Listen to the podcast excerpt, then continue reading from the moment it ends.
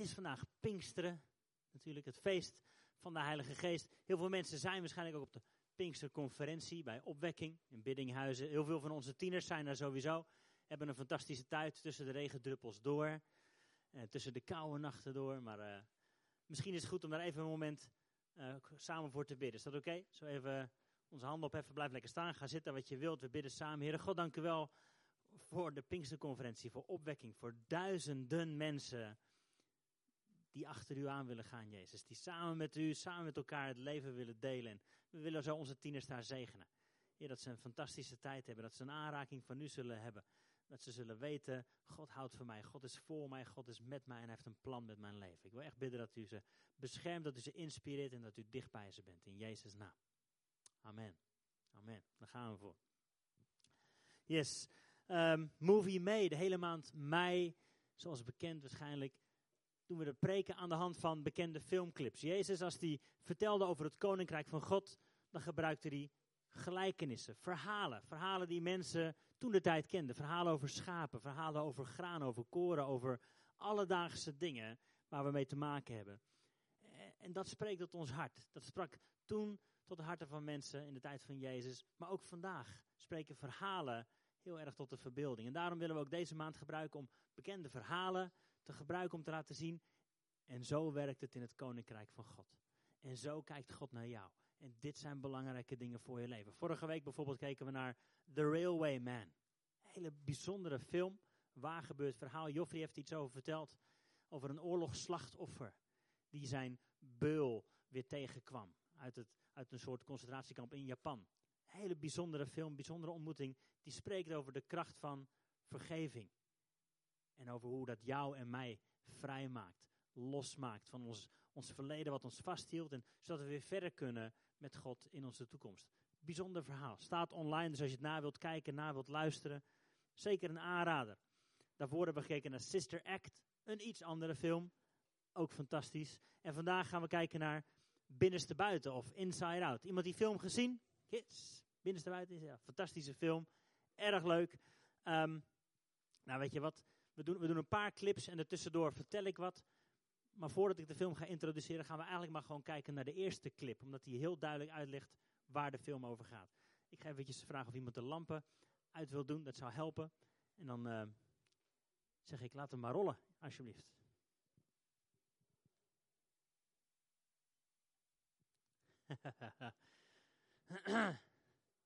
nou, daar gaat de rest van deze film over. Over wat er nog allemaal kan gaan gebeuren als je elf jaar wordt. Hey, dit is dus Riley. Riley, meisje van 11 jaar. En we krijgen ook een, een, kijkje aan de binnenkant van haar hoofd. En we zien daar wat emoties. We zien daar plezier.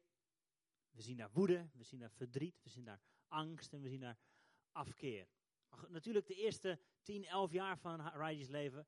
Wat eigenlijk centraal staat is plezier. Lachen, gezellig, leuke dingen doen. Dat vormt zo'n beetje haar, haar karakter. Je ziet aan de binnenkant allemaal van die eilandjes wat Riley Riley maakt. Dus ze is heel sportief, ze heeft veel vrienden, ze gaat naar de school. Allemaal leuke, goede dingen. Plezier staat centraal. Dat is dat poppetje met het blauwe haar aan de binnenkant van haar hoofd. En het gaat natuurlijk over een meisje wat aan het groeien is, wat in ontwikkeling is en wat, wat leeft. Wat leeft. Ze geniet van het leven.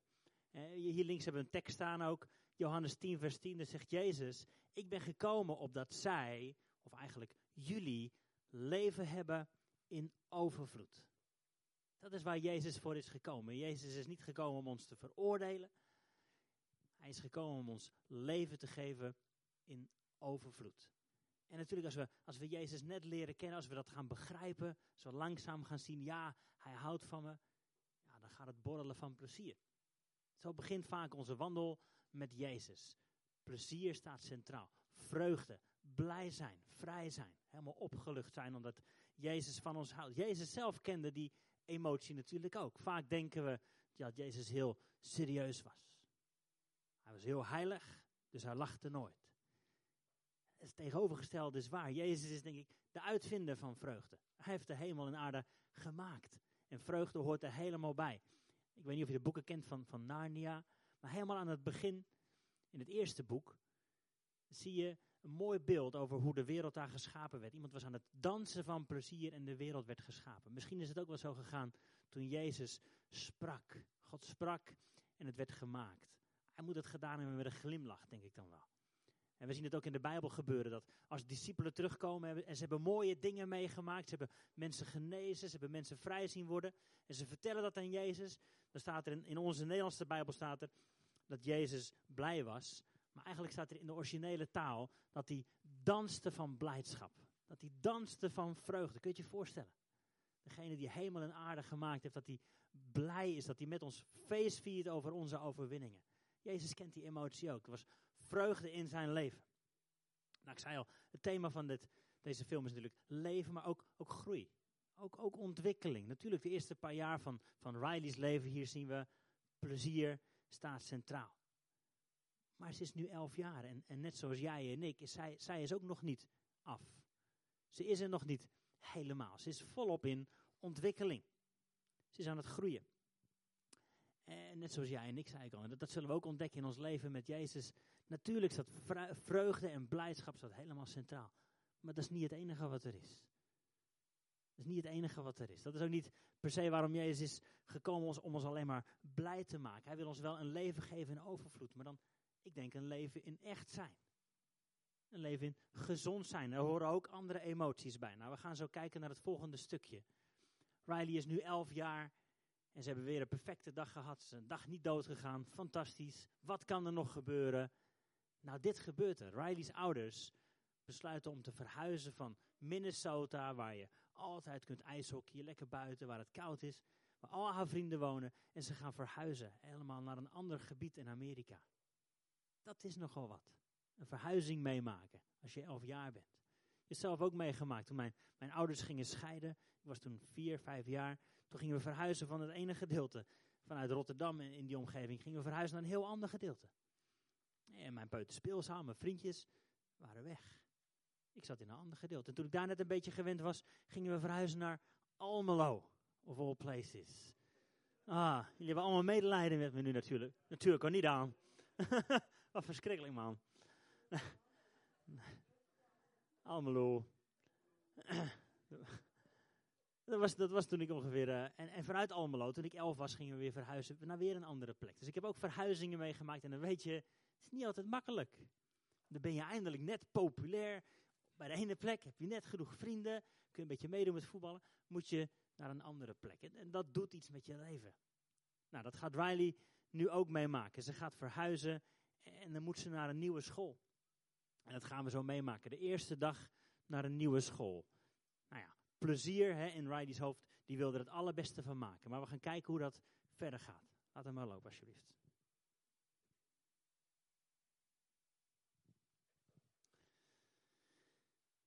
alles wat ze ooit kende is nu dus anders. Haar kernherinneringen zijn weg. Oeh, maar gebeuren. Hé. Voor het eerst in je nieuwe klas en dan moet je huilen. En verdriet begint in één keer dus een belangrijke rol te spelen. Eerst was er alleen maar plezier en leuke dingen, maar nu omstandigheden zijn veranderd en plotseling, ja, misschien, Riley weet misschien niet meer zo goed wie Riley nou eigenlijk is. Als ze verhuisd is, weg van haar vrienden, vriendinnen. En dan zie je ook dat verdriet eigenlijk helemaal niet zo populair was er binnen in Riley's hoofd. Mocht er eigenlijk niet zijn, mocht er eigenlijk niet bij horen. Terwijl, als je aan het groeien bent, leer je dat het heel normaal is. Dat je ook verdrietig mag zijn. Misschien wel moet zijn.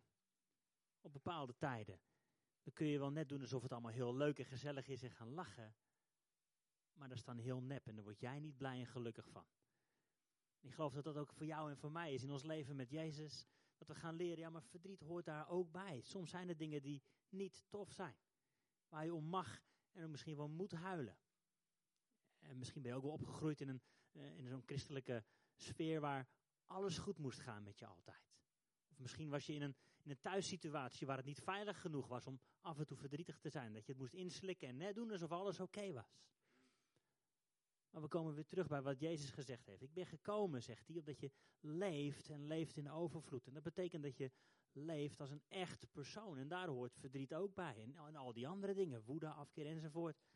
En dat zien we ook in het leven van Jezus. Ik zei al, Jezus danste van plezier over overwinningen van zijn vrienden. Hij was er blij over. Weet iemand anders nog, kinderen, weet, weet iemand anders nog wanneer Jezus heel blij was? Of hij vertelde over wanneer de hemel heel blij is. pas gehad over feesten, geloof ik. Wanneer is de hemel heel blij? Weet je het nog? Als iemand zich bekeert, als iemand Jezus leert kennen, zegt hij, dan is er feest in de hemel. Dus vreugde hoort er helemaal bij. Maar er zijn ook tijden in Jezus' leven dat hij verdrietig was. Wie kent er een voorbeeld? Kids, wie weet er nog een voorbeeld van wanneer Jezus verdrietig was? Kun je het je nog herinneren? Lazarus, inderdaad. De vriend van Jezus. Lazarus was gestorven. En Jezus ging er naartoe. En er staat er de, de kortste zin uit de Bijbel. Jezus weende. Oftewel, Jezus huilde. Jezus kende verdriet. Hij stopte het niet weg. Hij deed niet net alsof het niet erg was. Nee, hoort er helemaal bij. Mag er zijn, moet er zijn als je een gezond persoon wil zijn. Dus hij was, hij was blij, hij was ook wel eens verdrietig. Hij was ook wel eens boos. Jezus kon heel boos worden. Weet je nog in de tempel? Dat mensen daar allemaal spullen aan het verkopen waren, mensen aan het afzetten waren. En dat Jezus rustig ging zitten en een zweep in elkaar ging draaien. Nou, dan ben je boos. Zo boos ben ik denk nog nooit geweest. Ik heb nog nooit een zweep in elkaar gedraaid. Maar hij ging daar naar binnen en hij joeg al die mensen weg. Hij zei, jullie horen hier niet te zijn. Dit is niet waar de tempel voor bedoeld is. Jezus kon ook heel boos worden. Hij kon ook wel eens een, een afkeer ergens van hebben. Hij kon ergens een, een hekel aan hebben. Als mensen hypocriet waren. De fariseërs had hij het heel vaak tegen.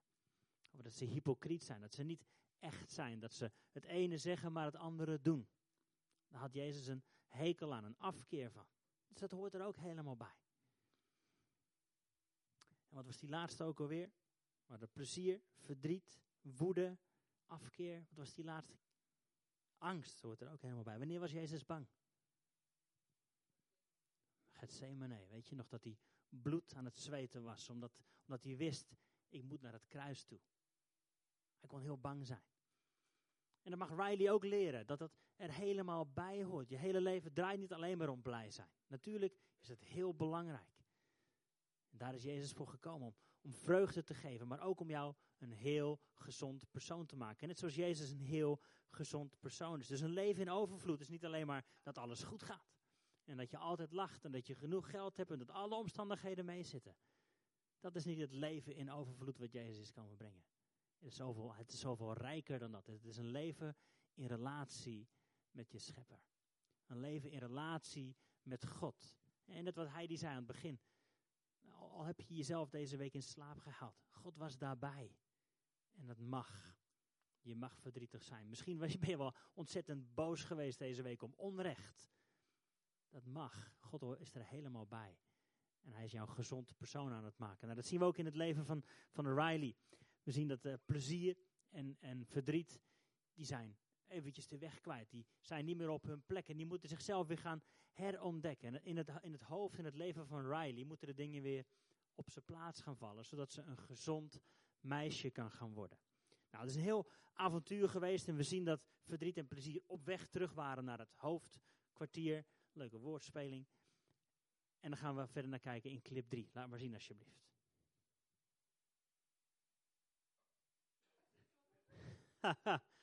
Wat is puberteit?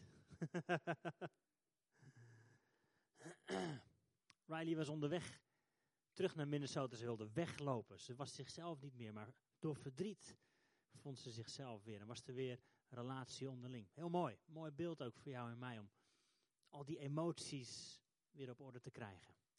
Ik zei al, we zijn, we zijn allemaal onderweg. We zijn allemaal aan het groeien, allemaal aan het ontwikkelen. Dat geldt voor Riley hier als meisje in deze film. Maar als we eerlijk zijn, ook voor jou en mij. Als ik naar mezelf kijk, weet ik. Precies.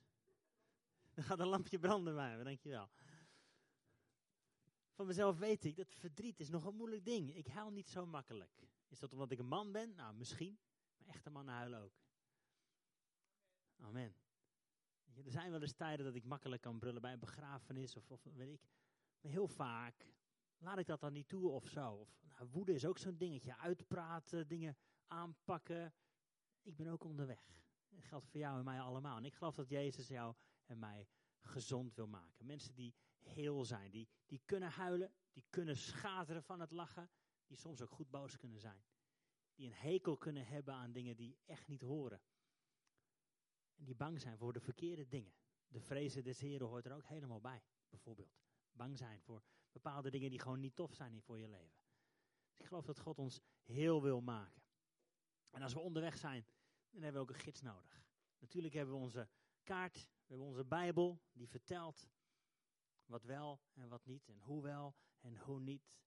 Die vertelt over wat Jezus allemaal gezegd en gedaan heeft. Maar naast die kaart hebben we ook de stem van onze TomTom nodig. Ik geloof dat we de Heilige Geest nodig hebben om ons te laten ontwikkelen op een gezonde, goede manier. Die ons helpt om weer bij onze emoties te komen, die we soms hebben weggestopt en niet passen in deze cultuur of maatschappij. Maar Jezus wil jou en mij vrijmaken van leugens en ons weer gezond gaan maken. En ik geloof dat de Heilige Geest daarvoor gekomen is. Vandaag zei ik al, is het Pinksteren? Is het de, de tijd dat we denken aan, weet je nog, toen, 2000 jaar geleden, toen, toen de Heilige Geest uitgestort werd. Jezus zei, ik ga terug naar mijn Vader, maar ik stuur jullie de helper. En hij zal zijn, hij zal je kracht geven, zodat je mijn getuige kunt zijn. Maar hij zei nog meer dingen over de Heilige Geest. Bijvoorbeeld Johannes 16 zegt hij, wanneer de Geest van de waarheid komt, zal hij jullie leiden in de waarheid.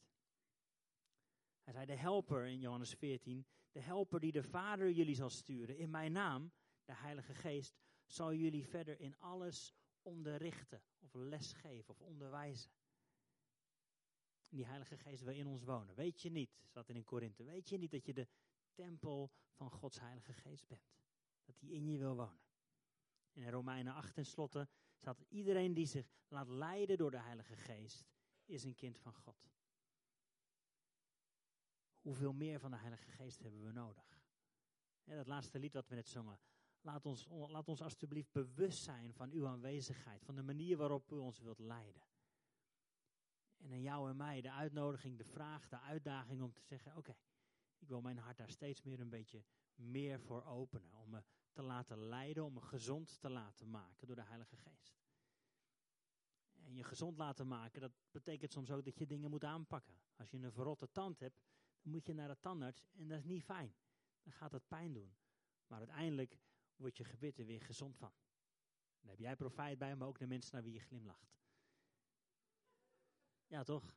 Hij is erop uit om jou en mij gezond te maken. En ik geloof dat hij je wil troosten, sommigen van ons deze dag. Dat hij sommigen van ons weer terug wil laten gaan naar die tijd waar we onszelf niet de ruimte hebben gegeven. Waar anderen ons misschien niet de ruimte hebben gegeven om een keer goed boos te zijn. Want dat mag niet als je christelijk bent of zo. Jezus is erop uit om ons gezond te gaan maken. En ik geloof dat we, als we straks tijd nemen om dat laatste lied nog een keer te zingen, om de Heilige Geest heel bewust uit te nodigen, dat hij daarmee doorgaat. Om jou en mij gezond te laten zijn. Want we zijn allemaal in ontwikkeling. Niemand van ons is af. En volgens mij waren dat de enige mensen aan wie Jezus een hekel had in het, in het Nieuwe Testament lezen. Aan mensen die dachten, we zijn er al, we zijn af, wij weten alles al. Nee, alsjeblieft. Neem die uitnodiging aan en ga mee op reis met Jezus. Hij wil je gezond maken. En in dat proces zul je merken dat je ook andere mensen daarmee beïnvloedt. We gaan staan en dat laatste lied nog een keer zingen? Heilige Geest, u bent welkom hier.